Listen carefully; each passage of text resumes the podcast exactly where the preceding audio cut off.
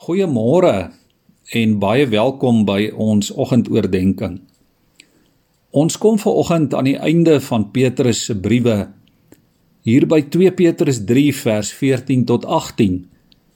Nadat Petrus ons aangemoedig het om toegewy te wees in ons verhouding met die Here sodat mense in die wêreld ons getuienis kan glo en nadat hy gesê het wees versigtig vir dwaalleraars en wees gereed vir die wederkoms.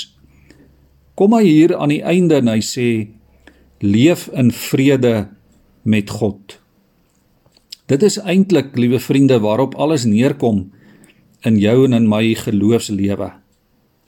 Dat ons te midde en ten spyte van alles vrede sal hê met God.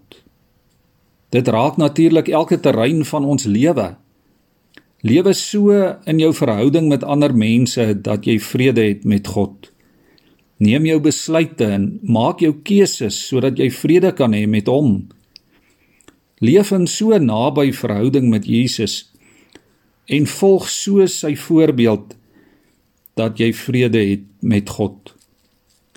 Natuurlik is dit menslik gesproke nie altyd maklik of eenvoudig nie. Elke dag se versoekings en ons menslike natuur bly 'n faktor om altyd mee rekening te hou. Maar in 2 Petrus 1 vers 3 het ons geleer dis moontlik deur die krag van God.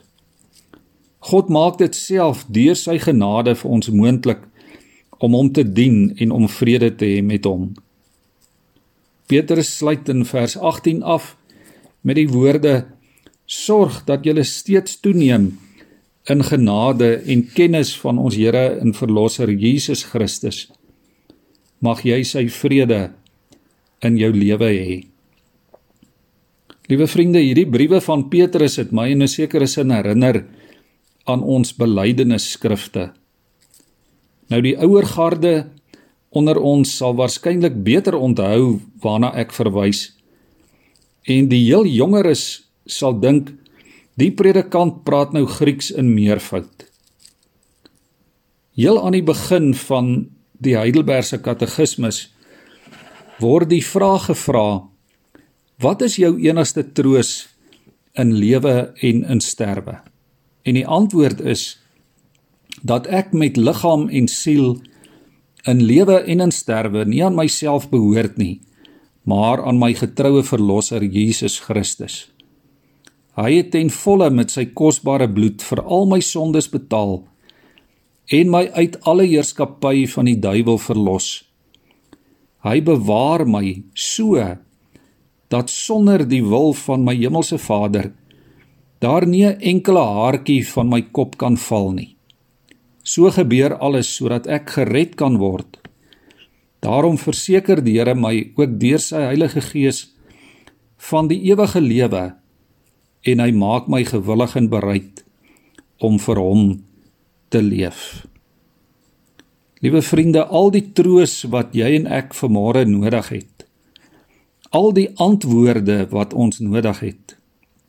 En die sin van die lewe en ons hoop vir die toekoms is in Jesus Christus ons verlosser. As jy dit weet, sal jy vrede hê met God. Jy sal vrede hê met die wêreld. Jy sal vrede hê met alles wat rondom jou in die wêreld gebeur. Bly naby die Here. Dan sê Petrus, sal jy toeneem in genade en kennis. Jy sal ook vir die wêreld rondom jou tot 'n seën kan wees. Kom ons bid saam. Here, dankie vir u woord. Dankie vir hierdie briewe van Petrus. Dankie vir die genade wat Petrus in sy lewe kon ontdek sodat ons vandag kan weet dis moontlik om uit genade te leef.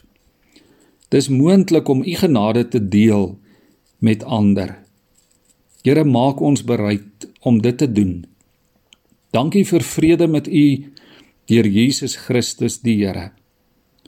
Ons bid saam met lied 284 Laat Heer u vrede deur my vloei Waar haat is laat ek daar u liefde bring Laat ek in pyn en smart vertroostend wees en krag gee deur geloof in U o Heer.